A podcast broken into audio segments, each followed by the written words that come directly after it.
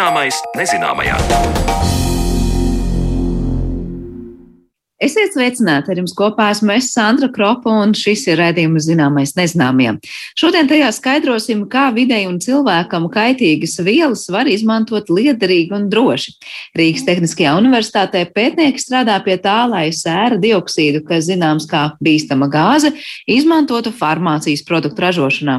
Kas īsti ir sēra dioksīds, kā tas nonāk atmosfērā un kā šo gāzi var izmantot Par to runāsim jau pavisam drīz.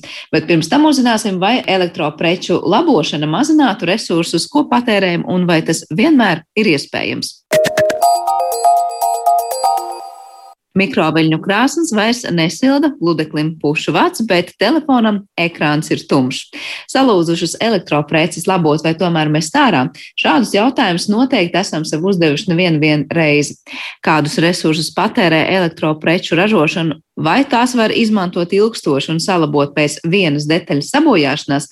Šie ir daži no jautājumiem, kas ir un būs aktuāli runājot par ilgtspēju. Bet cik reāli ir salabot elektrisko zobu birsti šobrīd, un vai to ļauj preču ražotāji, par šiem jautājumiem interesējās Mariona Baltkāna. Ja mēs vispārīgi runātu par kādu vides politiku, tad daudziem būtu skaidrs, ka tas ietver arī stāstu par atkritumu šķirošanu. Bet šajā sarunā mēs vairāk pievērsīsimies tam, vai un cik svarīgi būtu neradīt atkritumus, un tieši elektronikas atkritumus, kā elektropreces maksimāli ilgi lietot. Ar tehnikas iekārtu starpniecību attālināti ierakstītā sarunā par šo tēmatu tiekos ar bezatkritumu kustības Zero Waste Latvija biedri un atkritumu entuziasti Maiju Krāstiņu. Viņai vispirms jautāju, kāda nostāja valda lēmumu pieņēmēju vidū vai dokumentos, proti, vai dažādas iekārtas pēc iespējas ilgāk vajadzētu salabot un atjaunot, vai arī varbūt tāda uzstādījuma nemaz nav skaidro Maija Krastiņa. Šobrīd tiešām uzsvars ir milzīgs uzsvars pat ir uz to, ka ir nepieciešams arvien vairāk un sistēmiski domāt pie tā, lai arī šīs preces nekļūtu vienkārši par atkritumiem. Tad doma ir tāda, ka viņām ir jābūt pēc iespējas salabojamākām, izstrādātām tā, lai viņas var salabot, lai detaļas ir pieejamas. Uz to ir milzīgs uzsvars, jo tā ir viena no tām atkritumu grupām, kuru pieaug visstraujāk. Un pārstrādāt savukārt tiek maz, un tie ir lieli un bīstami atkritumi. Tātad tās ir dārgas preces, tāpēc zināmā mērā ir iespēja mūs kaut kā motivēt uz labošanu, ja viņa pat tehniski ir iespējama. Eiropas līmenī tiek pārstrādāts mazāk nekā 40% elektropreču. Tajā pašā laikā pasaules mērogā Eiropa ir viena no tām, kas cenšas iet pa priekšu citiem un kuras prasības pēc iekārtu labojamības ir daudz ambiciozākas. Māja Krastiņa norāda, ka arī Latvijai ir rīcības plāns pārējai uz aprites ekonomiku, kas līdz 2027. gadam paredz iekārtu lietojamību dažādos aspektos. Tālāk vaicāju, vai pastāv arī uzstādījumi, kā to darīt, un vai ir aprakstītas preces, kuras vajadzētu maksimāli ilgi patērēt. Nu, tā pati galvenā doma ir tāda, ka mums ir jāpāiet tā sistēmiski uz ekodizainu, tātad uz tādu lietu dizainu, kur jau pašā sākumā, tad jau dizaina stadijā tiek domāts par to, lai šī prece būtu ilgspējīga, vai šī lieta būtu ilgspējīga visā tās dzīves ciklā. Tātad, lai tā būtu labojama, atjaunojama, izturīga un galu galā arī relatīvi viegli pārstrādājama. Un tad vēl ir tāds koncepts, par kuru tiek arī runāts un domāts, kas ir plānotā novecošana. Nu, ziniet, varbūt to var novērot dažkārt ar printeriem. Viņš vienā brīdī vienkārši pilnīgi neno kā beidz strādāt. Viņam nekas nav noticis, vienu baltu dienu viņš pasaka nē. Un ir tāds koncepts, jā, kā plānotā novecošana, kas ir ražotāju spiediens uz mums patērētājiem, lai mēs vairāk pirktu jaunas lietas un, attiecīgi, ražot arī jaunas atkritumus. Tātad ir jāpieliek punkts šai plānotajai novecošanai, un ir jābūt pieejamām detaļām, ir jābūt iespējai salabot. Tātad tur ir jau dizaina jautājums, tad tie ir visi tie koncepti, par kuriem šobrīd tiek runāts ļoti daudz. Eiropas līmenī ļoti daudz kas ir jau definēts, un mēs ejam arvien ātrāk uz priekšu, bet šobrīd tāda vienota likumdošana Eiropas līmenī nav. Atsevišķās valstīs ir jau ļoti precīzi likumi, piemēram, Francijā plānotā novecošana ir pilnīgi aizliegta jau, bet atkal grozīs jau kā gribi. Ja tu viņu aizliedz, tā ir viena lieta, bet ja nav pieejams, piemēram, detaļas, vai nav pieejams darbspēks, kas šo atjaunošanu veids, tad atkal ir grūti. Tātad īsumā ne, ir jābūt vienkārši cilvēkiem, kas spēj salabot, ir jābūt detaļām pieejamām, ir jābūt tādam dizainam, kas ļauj vispār salabot.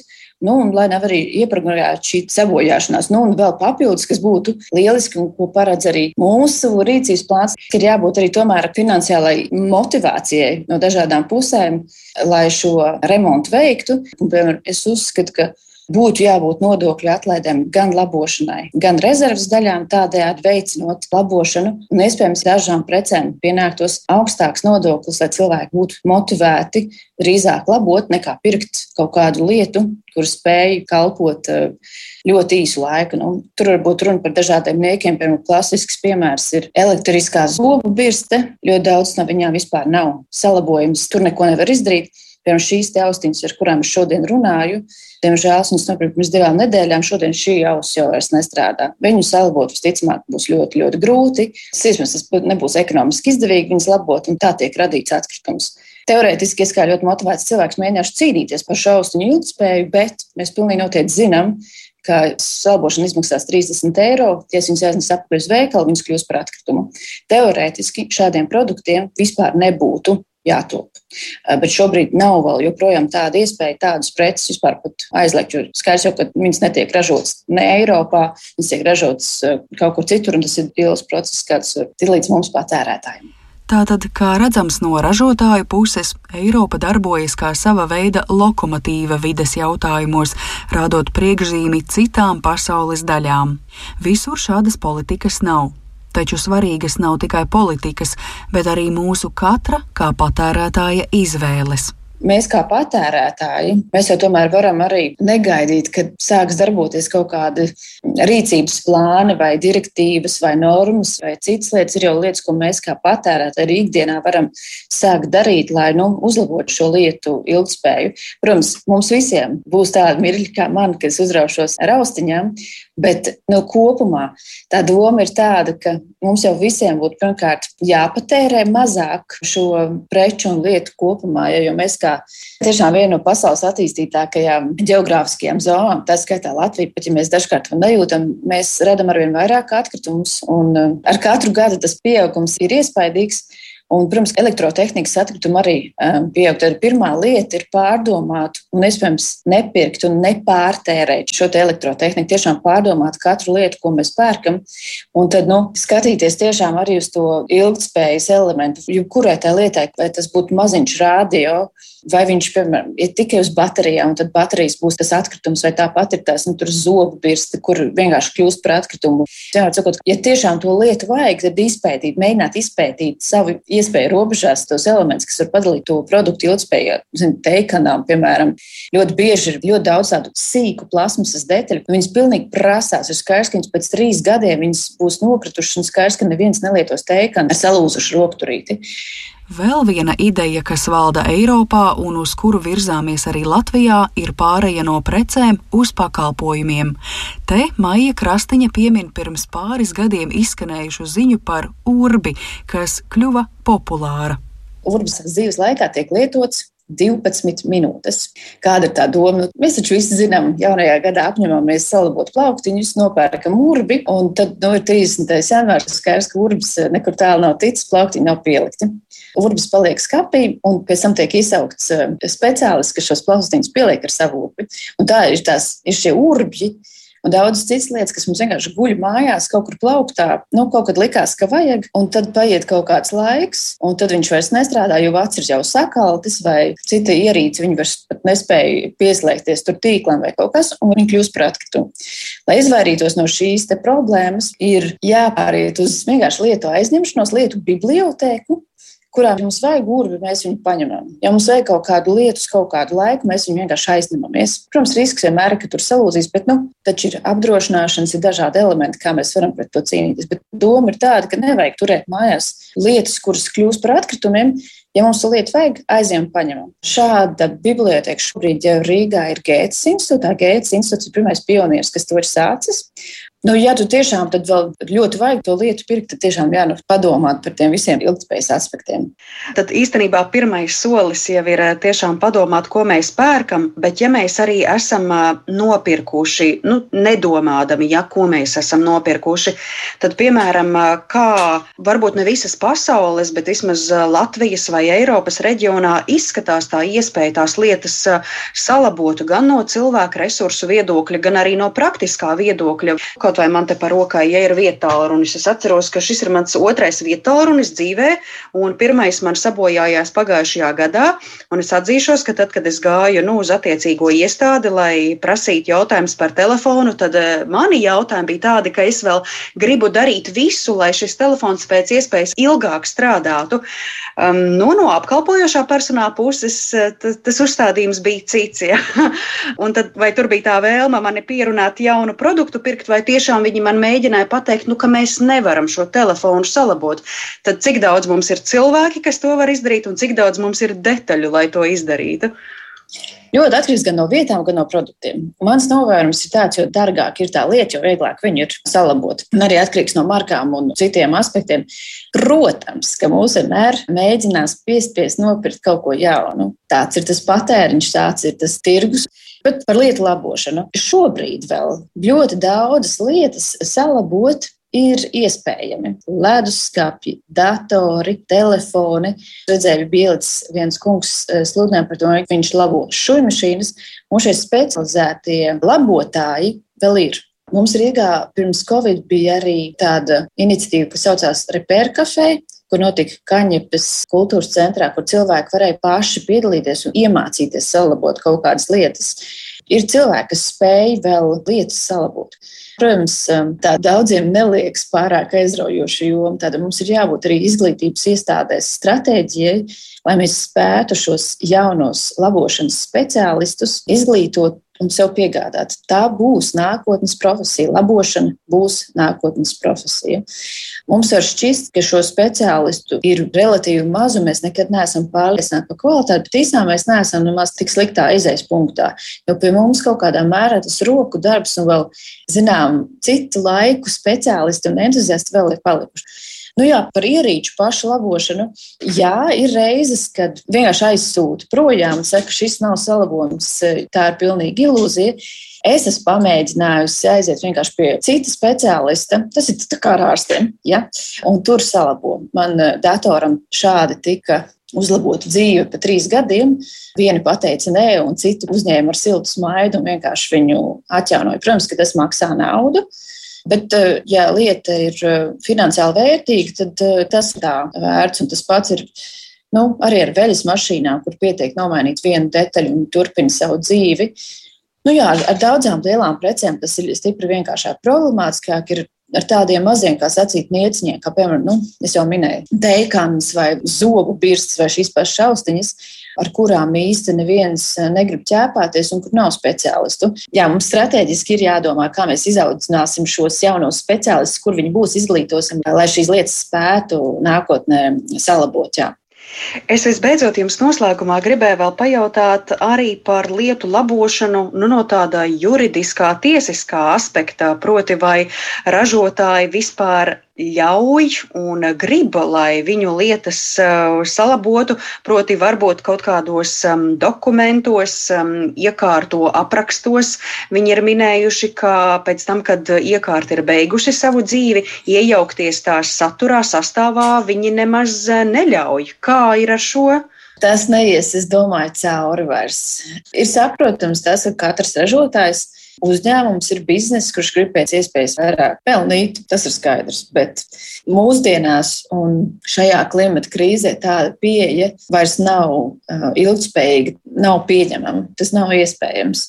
Tas varētu būt kaut kādas ļoti tehniskas preces, ļoti tehniski produkti, varbūt pieņemsim medicīnā, varbūt viņi satur kaut ko, kas varētu padarīt viņas labošanu varbūt neiespējamu. Bet nu, es domāju, ka tā var būt kaut kāda absolūta niša, bet kopumā šāda pieeja šobrīd vairs nav iespējama. Atkrituma apjoms, ko mēs redzam, Un tik maz, cik mēs pārstrādājam, mēs pilnīgi noslīgsim savos atkritumos. Tas vairs nav iespējams.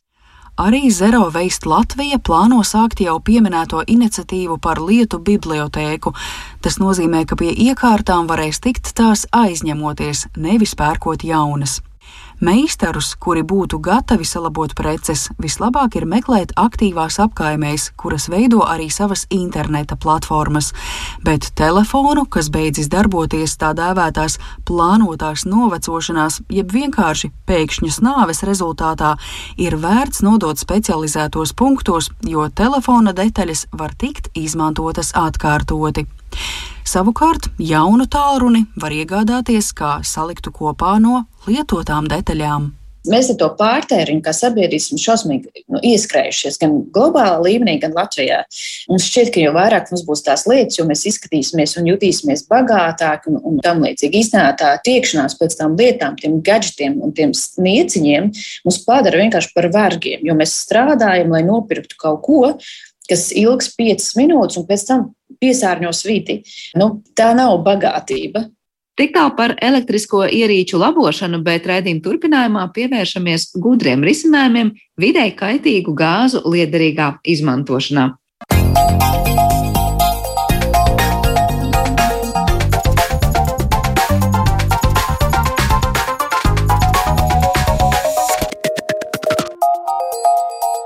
Zināmais nezināmajā.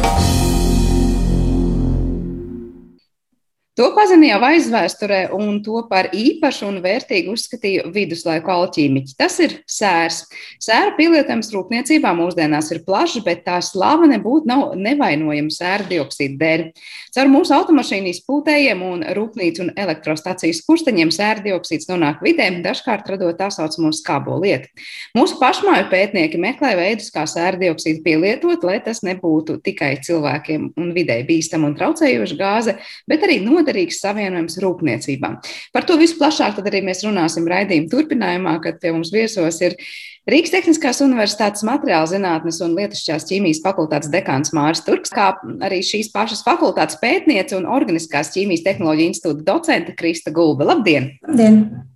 Sākšu laikam ar tādu pavisam vienkāršu jautājumu, jo nu, sērs, protams, ir vārds, kas ir dzirdēts gana bieži, un, un es pieņemu, ka visiem, bet kas ir sēra dioksīds? Varbūt jūs varat izstāstīt, kas ir tas, no kurienes tas veidojas un kāpēc mums par to būtu jārunā. Krista, varbūt es sākšu ar jums.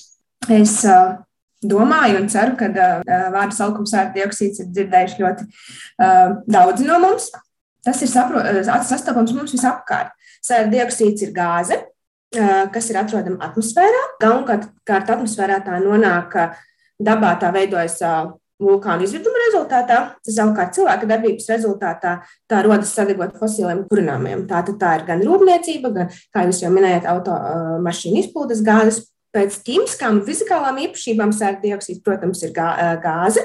Tā ir raksturīga, asas, lielā koncentrācijā tā ir raksturīga asas marža un skāba garša. To var ļoti labi sajust, ja gadās strādāt ar sēra dioksīdu. Un, protams, lielos daudzumos tā arī var kaitināt cilvēku elpoceļus un radīt nepatīkamas sajūtas. Un arī uh, saskarē ar ūdeni, tas uh, tā var veidot skābi, kas savukārt skābo lietu rezultātā nokļūst dabā, uh, augsnē un var uh, negatīvi ietekmēt uh, augus. Tā klausoties, liekas, vienkāršojot sērs, tas ir labi un organismam vajadzīgi. Un to elementu mēs tiešām dabā gan sastopam, gan arī mums pašiem vajag uzņemt. Bet tikko mēs runājam par sēra dioksīdu, tā tas ir slikti, tā var teikt, vai nu, nav viss velts un melns. Varbūt Mārcis grib turpināt vai, vai paplašināt šo domu.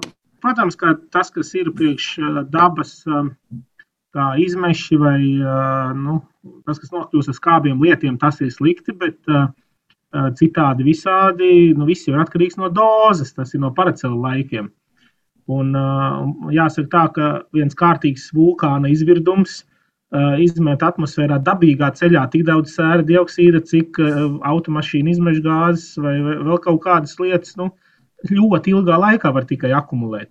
Jo cits starpā jāapzinās, ka, protams, ka sērs no uh, degvielas produktu dedzināšanas nu, tas ir ļoti, ļoti mazs daudzums. Jo, protams, sēras atturošās vielas naftā ir tikai nu, ļoti mazā koncentrācijā. Tur ir ogļu ūdeņraži, kas dod normālu CO2, CO, slāpekļa oksīdus un, un tādas lietas. Jā, tā kā, nu, maz jau.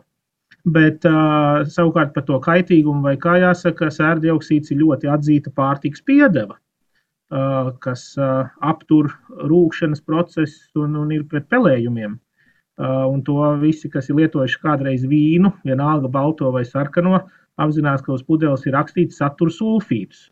Nu, ļoti maz uh, ir daži organiskie, nu, tie, kā teikt, uh, zaļās, zaļā stila vīni, kur ļoti maz tas svērdioksīdu piedod, bet uh, normālos vīnos ir no 100 līdz pat 400 ppm uh, svērdioksīdu iekšā. Un vēl daudz, kur augļos žāvētos apstrādā, lai nepelētu. Nu, tas ir ar ļoti plašiem pielietojumiem. Un, nu, ja mēs atgriežamies pie īstās ķīmijas, uh, svērdioksīds ir sērskābes ražošanas uh, izēviela vai starpprodukts. Un tur tas ķīmiskā rūpniecībā tiek ražots milzīgos apmēros, apzināti. Bet tajā brīdī, kad tas apzināti tiek ražots rūpnieciskajos apmēros un konkrētam pielietojumam, nu, ja, protams, viss tā ražošana ir nezinu, atbilstoši visiem eh, vajadzīgajiem vidas standartiem, mēs varam teikt, ka tur viss ir droši. Mums nav jādomā par to, kas nonāk, nenonāk apkārtējā vidē, vai tomēr dažādi izmeši ir kaut kas, par ko mums jādomā arī šīs rūpniecības kontekstā.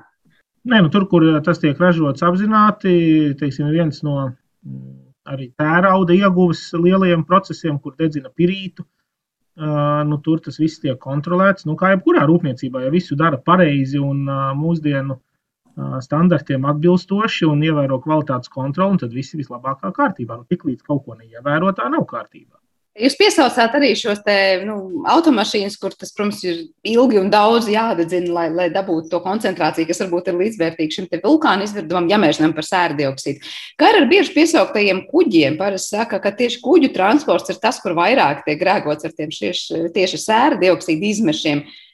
Vai tā ir un no kurienes kuģu mm, sektorā tas sērs nāk vairāk nekā, nekā automašīnās? Nu, nevarētu teikt, ka es būtu tādā problēmā ļoti iedziļinājies, bet uh, nu, kuģu, cik tā vispārīgi zināms, populāri zinātniski, nu, kuģos izmanto uh, vājākas kvalitātes uh, naftas produktus, jo nu, tur ir teikt, daudz un lielos apjomos jādedzina, lai, lai dabūtu to vilcēju spēku. Uh, nu, līdz ar to tur tā naftas produkta dīzelis un, un kas nu, tiek lietots, ir nu, ar švakāku to kvalitāti. Nu, no turienes varētu būt, kad ir mazliet augstāks sēra saturs, bet tas arī viss. Un, protams, ka tie apjomi, ko viens kuģis nokurina, uh, lai tiktu, kā teikt, tiks jūras jūdzes uz priekšu, ir nesalīdzināmāk lielāka kā jebkurš cits transporta līdzeklis. Tas arī viss. Tur vairāk ir apjoms un tas, kāda ir šī izēviela tieši degvielas jau, jau stadijā. Jā. Vēl viena lieta, ko es gribēju vēl jums lūgt paskaidrot, pirms mēs runājam par to, ko tieši konkrēti jūs pētat un ko ir iespējams ar tiem dažādiem sēra savienojumiem darīt. Vai tā ir tiesa, ka tad, kad ir ļoti daudz šīs sēra dioksīda emisijas, tad veidojas šis SOX saucamais sēra oksīds, kas savukārt atkal atmosfērā nonākot veido ļoti dažādus savienojumus ar citām vielām, un tad mēs runājam arī par dažādu ietekmi uz vidu un bīstamību. Vai tas tā ir un no kurienes mēs tiekam līdz tam SOX bieži varbūt redzētajam un piesauktajam? E, Māra, sākšu ar jums, varbūt, ka pēc tam, es nezinu, Kristi vēlas papildināt.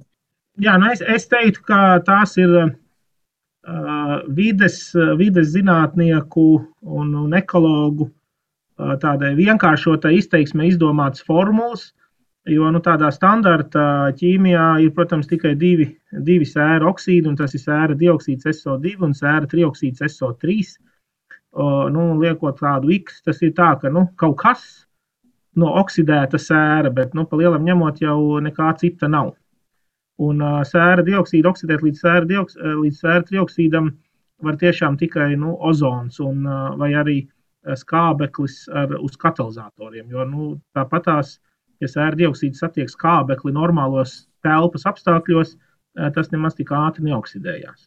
Bet nu, UV staru ietekmē, vai arī ozona ietekmē, nu, tad, tad var oksidēties tālāk. Un, protams, ja tas ir sēra trioksīds, nu, tas satiekot ūdeni, uzreiz veido sēras kāpi, kurai ir stiprā skābe. Jo sēra dioksīds savukārt, lūk, tas pats, kas ir tā vīna piedeva un tam līdzīgi, tas veido sēru paskābi, un tā ir ļoti vāja skābe.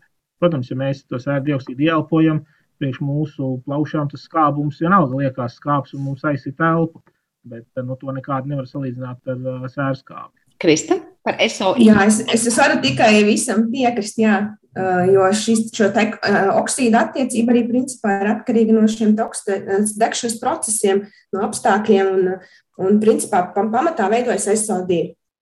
S2, SO3 tas ir tā kā mazākā komponente, kas rodas degšanas procesā. Var teikt, ka mēs patiesībā visu laiku, tad, kad runājam par eh, sēra klātbūtni atmosfērā, kad tas ir nevēlami, vienalga, vai tas ir tas SOX apzīmējums, mēs patiesībā runājam par sēra dioksīdu klātbūtni vai trioksīdu klātbūtni, bet tās jau ir detaļas, tad, tad tas ir šie savienojumi, kas apkārtējai vidē, nu, cilvēkiem līdz ar to lielās koncentrācijas noteikti nav vēlama. Runājot par to, ko jūs darāt un kas ir jūsu pētījumu lauciņš, es saprotu, ka Krista tajā ir daudz darbojusies māri jūsu vadībā, ja es saprotu arī dažādi darbi veikt. Jūs domājat, ko no tā sēra dioksīda darīt un kā to izmantot tālāk rūpniecībā? Kas ir tas, kas nonāca jūsu uzmanības lokā? Jā, tātad mēs pētām sērdioksīda dažādu īpašību izmantošanas iespējas organiskajā sintēzē, lai dažādus procesus padarītu vienkāršākus, lētākus, efektīvākus, vidē draudzīgākus, tā skaitā. Un tad, pateicoties profesora jau aizsāktajiem pētījumiem par sērdioksīdu, Es arī, esmu pie, es arī pievērsos šim pētījuma virzienam pirms sešiem gadiem, nu jau sešus gadus darbojos šajā pētījumā. Un mūsu, mēs izmantojam sēra dioksīdu gan kā šķīdinātāju, gan kā rēģentu. Pirmajā gadījumā, izmantojot sēra dioksīdu kā šķīdinātāju, mums ir iespēja padarīt dažādus procesus vienkāršākus, neizmantojot, neizmantojot dažādas piedevas, kas bieži vien ir vidēji kaitīgas. Piemēram, mēs nesen esam izstrādājuši metodi, glikozilēšanas reakcijai, kas ir, kas ir reakcija, kas ļauj iegūt dažādus cukura atvasinājumus, okhidrātu atvasinājumus. Un klasiskajos apstākļos šī reakcija tiek veikta dažādu metālu klātbūtnē, piemēram, alvas, hafnija, cirkonija. Un bieži vien šo piedevu daudzums ir visai ievērojams. Un tad, ja mēs šādus procesus pārnesam uz lielāku ražošanu, tas ir ļoti uh, neekonomiski un arī, protams, vidē nedraudzīgi. Savukārt, mēs, izmantojot šķidru sēra dioksīdu, esam radījuši metodi, kurā nav nepieciešams šādas piedevas. Un turklāt, zinot, ka sēra dioksīds ir ļoti viegli atgūstams un atkārtot izmantojams, šī metode ir ļoti gan lietotājiem, gan vidē draudzīga. Vēl runājot par šķidru sēra dioksīdu, ir jāpiemina, ka tam ir ļoti relatīvi augsta virsmas temperatūra salīdzinājumā ar citām gāzēm. Tas ir mīnus 10 grādi.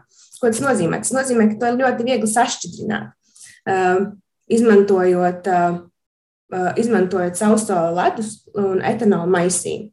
Un tad, izmantojot temperatūras starpību, ir ļoti viegli pārnest sēklu dioksīdu no, viena, no vienas tvertnes uz otru, nenonākot saskarē ar šo gāzi, bet veicot to ļoti droši. Tad otrs pētījuma virziens mums ir saistīts ar dažādu sulfanilu savienojumu sintēzes metožu izstrādi, jo mūsdienās arvien aktuālāk, arvien aktuālāk, aktuālāk kļūst pētījuma virzieni ar mērķi radīt metodas, kurā, kurās tiek izmantotas vairāk komponentu reakcijas. Tas nozīmē, ka Ja klasiski mēs parasti paņ, izvēlējāmies divus savienojumus, kurus mēs vēlamies sakombinēt kopā, ielikām kolbā un gaidījām, kas notiek, kāda reakcija notiks, tad vairāk komponentu reakcijas konceptā mēs no vairāk kā diviem komponentiem varam iegūt vienu molekulu. Tas ekonomē laiku, līdzekļus un ir ļoti efektīva. Jā, man jautājums, kurā jomā tad to vajag vairāk lietot? Nu, vai tā ir zinu, farmācija, pirmais, kas nāk prātā, kur to iegūt, to molekulu tālāk izmantot? Uh, jā, tātad šos sulfanilu savienojumus, kurus iegūst kombinējot, piemēram, divas molekulas un sēra, plus sēra dioksīda molekulu, uh, ir iespējams uh, var izmantot dažādās nozarēs, farmācijā, materiāla zinātnē, agroķīmijā. Šie savienojumi ir atraduši ļoti plaši pielietojami dažādās nozarēs. Un radot šādas efektīvas, laiku un izmaksu taupošas metodes, mēs varam dot ļoti lielu ieguldījumu tajā. Man droši vien būs kas piebilstams, bet tad sanāk tā, ka tas, ko mēs iegūstam, ir mazākas izmaksas, īsāks laiks, lai tad uh, izveidot konkrēto savienojumu vai kā citādi. Plus es pieņemu, ka arī vidēji mazāk kaitīgi varbūt dažādas piedevas tiek lietotas klāt, ko jūs pirmos. Jā, jo, jo mazāk ir nepieciešams izmantot kaut kādus materiālus, laiku un visu, tad attiecīgi tas arī rada mazāku ietekmi uz apkārtējo vidi. Uh -huh. Mārķis, vai būs kāds varbūt pakomentējums par to pielietojumu vairāk, vai no kuras vēl rūpniecības un cik tuvu jau esam brīdim liktu lietā tos jūsu pētījumu rezultātus? Tik tiešām tās metodas, ko mēs izstrādājam, ir ar plašu pielietojumu iespēju gan farmaceitiski aktīvo produktu ražošanā, gan agroķīmijas, kas ir pesticīdi. No vienas puses, kā teikt, nevienam nepatīk, bet no otras puses, modernā lauksaimniecība nu, bez viņiem gandrīz netiek galā. Un arī jauni materiāli, ir daudzi polimēri, kuri satur SO2 fragmentu iekšā. Nu, ja runājam par farmāciju, kas mums sirdī tuvāka, mūsu institūtā, tad tas noteikti ir teiksim, jāatcerās, ka ir tādi kā antibakteriālie sulfamīdu preparāti, streptocīts un, un tam līdzīgi. Tur visur ir SO2 grupa iekšā. Tāpat tās ir daudzi sulfoni, kur ir savukārt ar oglekli savienoti tas SO2 no abām pusēm, kas arī ir nu, daudzos bioloģiski aktīvos, farmaceitiski aktīvos savienojumos, kas ir jau uz aptieku plauktiem. Nu, nerunājot arī par to pašu farmācijas ķīmiju, arī tur tas pats ir. Un, protams, ka sēram ir dažādas oksidācijas pakāpes, un, un arī tās mūsu metodas ir tādas, ka mēs teiksim, ņemam sēra dioksīdu, kurš ir, ja mēs smalki runājam, oksidācijas pakāpe 4, bet veicot tās visas pārvērtības, mēs pie reizes vēl varam arī dabūt viņu tālāk nākamajā oksidācijas pakāpē, kas ir seši. Līdz ar to vēl nu, mēs viņu ieliekam iekšā tajā organiskajā molekulā, bet vēl plus spēlējamies ar viņu oksidācijas pakāpi tai skaitā, ja nepieciešams. Bet tas, no kurienes jūs iegūstat šo sēru dioksīdu, vai te ir stāsts par to, ka tas tiek speciāli sintēzēts, vai ir iespēja, un tas būtu varbūt ļoti tāds vidēji vēlams risinājums, ka no tā, kas kaut kur izplūst vai paliek pāri, jūs to savācat un pārvēršat par kaut ko citur lietojamu un par izēvielu. Uh, Protams, šīs aprits ekonomikas kontekstā, vai te ir iespēja skatīties uz sēru dioksīdu izmantošanu? Ja iespējams skatīties, ir, bet, nu, protams, pēc zinātniskās pētniecības mēs ņemam sēru dioksīdu, ko mēs nopērkam no gāzu piegādes firmām, skaisti metāla cilindrā zem spiediena, kā oficiālu gāzi, ko tā skaitā tās pašas firmas piegādā, pieņemsim, uz vīna ražošanas uzņēmumiem kas ir tā skaitā, varbūt pat zīme virsū pārtiks kvalitāte. Ja, teica, ja tas uzlabo attieksmi pret, pret to. Bet no aprits ekonomikas viedokļa Latvijā nav nemaz tādas rūpniecības, kur tagad tas sēra dioksīds būtu kā liela emisija. Tur tik tiešām būtu jāvēršās pie tām valstīm, kuras, kurām ir tātad, nu, izrakteņu liela rūpniecība, nu, kas ir lūk, tērauda ražošana, naftas produktu pārstrāde, visas tās lietas. Bet, protams, tā mūsdienās tur liek rekuperācijas nu, sistēmas, tātad gāzu filtrus kaut kādos skursteņos, kur attiecīgi tā skaitā sēra dioksīds ķīmiski tiek saistīts, visvairāk arī to pašu sulfītu veidā. Un tad, ja tu aplēji skābi, tad nāk ārā SO2, kuru var atkal kondensēt, likt balonos un tirgot tālāk. Un tā arī daļā, daļā gadiem tā arī dara. Kristi, pirms brīža jūs minējāt arī par to, ka šis sērdioksīds ir vairāk kārt izmantojams. Es pareizi sadzirdēju arī, ko jūs teicāt. Tad, tad tas nozīmē, ka jūs arī jau no kaut kurienes paredzat to savākt, vai atkal jūs jau vienreiz izmanto to vairāk kārt varat izmantot. Jā, ja reakcijā nerodas ļoti gaistoši savienojumi, kas ir piesārņot šo sērdioksīdu, tad tas ir ļoti vienkārši veicams, ka pēc reakcijas mēs droši varam atbrīvoties no šķīdinātāji, kas mūsu gadījumā ir sēra dioksīds, tikai temperatūras atšķirības rezultātā pārvietot tos citu trauku, citu tvertni un izmantot atkal nākamajiem pētījumiem. Jā, tas ir ļoti liels pluss, kas bieži vien nav raksturīgs klasiskajiem organiskiem šķīdinātājiem. Tas ir laikam tas, par ko ir tīpaši zaļajā ķīmijā pēdējā laikā daudz runā par to, kā mazināt tās izēvielas, ko jūs lietojat. Un tiešām, ja jūs varat vairāk kārt lietot to, ko jau esat izmantojuši, tas tikai vienīgi nāk par labu. Bet uh, jūs minējat par to, ka pirms jūsu pētījumiem, ilgus gadus jau Māris bija strādājis arī pie šiem sēra dioksīdu pētījumiem. Man, man jautājums jums, kā mainās tas, ko zinātnieki pēta šajā laukā, un vai te lieliem soļiem virzās uz priekšu kaut kādas nu, ļoti fundamentāli jaunas lietas tiek atklātas? Jā, nu pēdējos, pēdējos 15 gados ir ļoti liels uzrāviens ar šīm metodēm. Jo sēra dioksīds, protams, kā molekula ķīmijā ir bijis pazīstama arī tā skaitā priekšorganiskās ķīmijas, jo nu, tās metodas, kā nu, kaut kādu savienojumu uzpūš sēra dioksīdu vai tam līdzīgi, bet tas lielais uzrāviens, kas ir bijis, ir pārējais jā, metālu katalīze, tā varētu izteikties. Tādi cēlmetāli kā, kā palādijas, zelts, platīns, nu, to, ko vairāk cilvēki zina, varbūt tādi, ko mazāk zina, kā rodīs vai rutēnijas un niķelis. Niķeli arī visi zina. Nu, ar tādiem metāla katalizatoriem sēra dioksīdu var iespiest organiskās molekulās ar jauna tipa metodēm. Nu, tas, tas tiešām ir attīstījies pēdējo 10-15 gadu laikā. Uh, Un arī tas, kas nācis arī diezgan no jauna klāt, ir ļoti plašs tāda apakšnodara kā radikāļu ķīmija.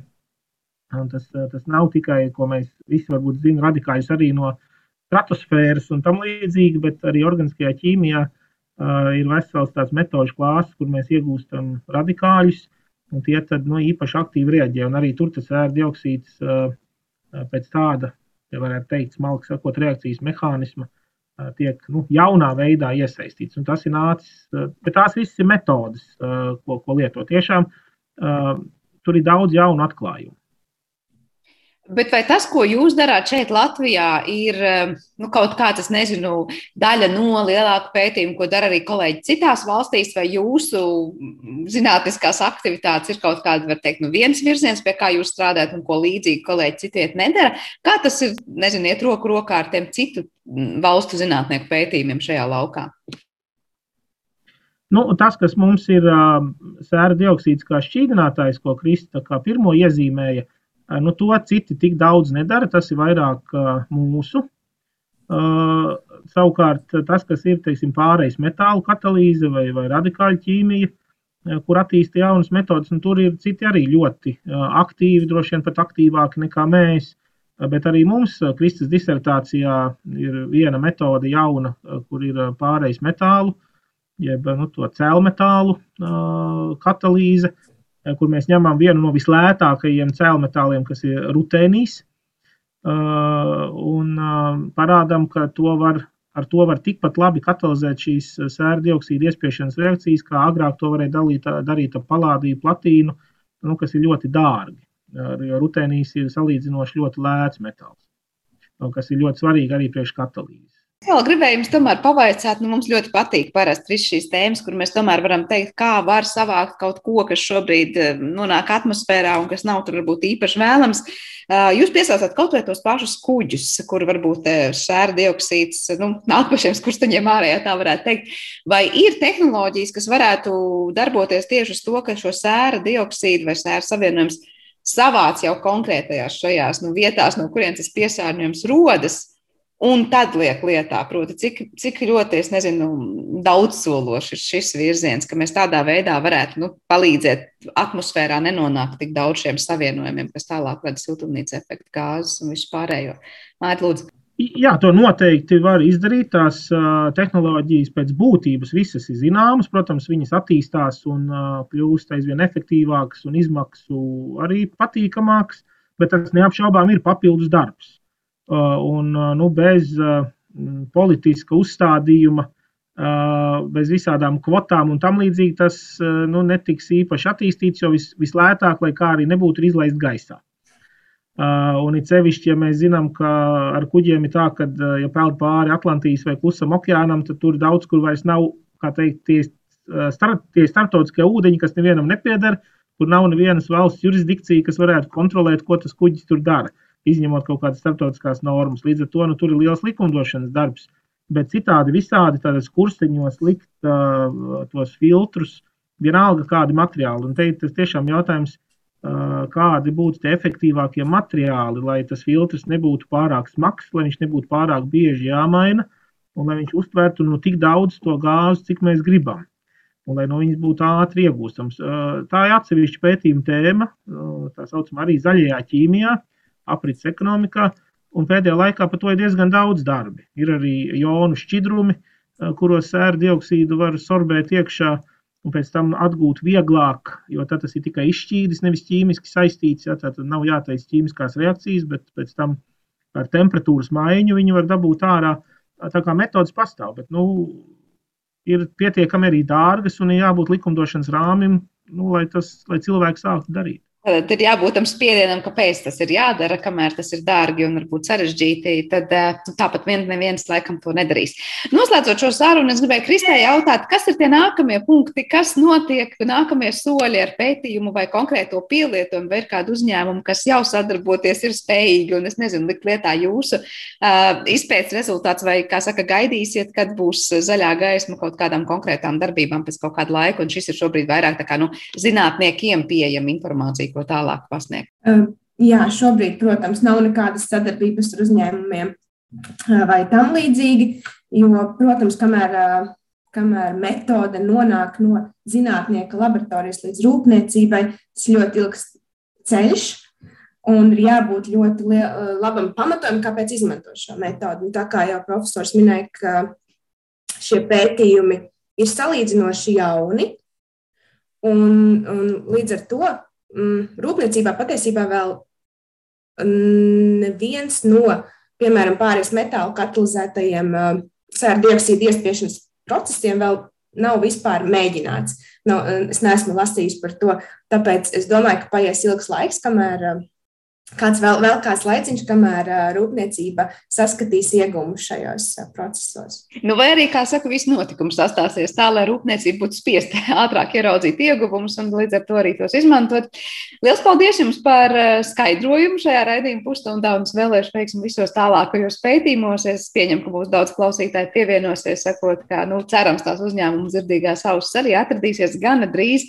Atgādināšu, ka šajā raidījuma pusstundā mēs bijām kopā Rīgas Tehniskās Universitātes materiāla zinātnes un lietišķās ķīmijas fakultātes eh, dekānu Māri Turku, kā arī šīs pašas fakultātes eh, pētnieci un Organiskās ķīmijas tehnoloģija institūta docenti Kristu Gulbi. Ar to arī raidījums ir izskanējis. Par to paldies producentē Paulai Gulbinskai, mūzikas redaktors šai stundā bija Girds Bišs, bet ar jums kopā es Sandra Kropa. Uz tikšanos!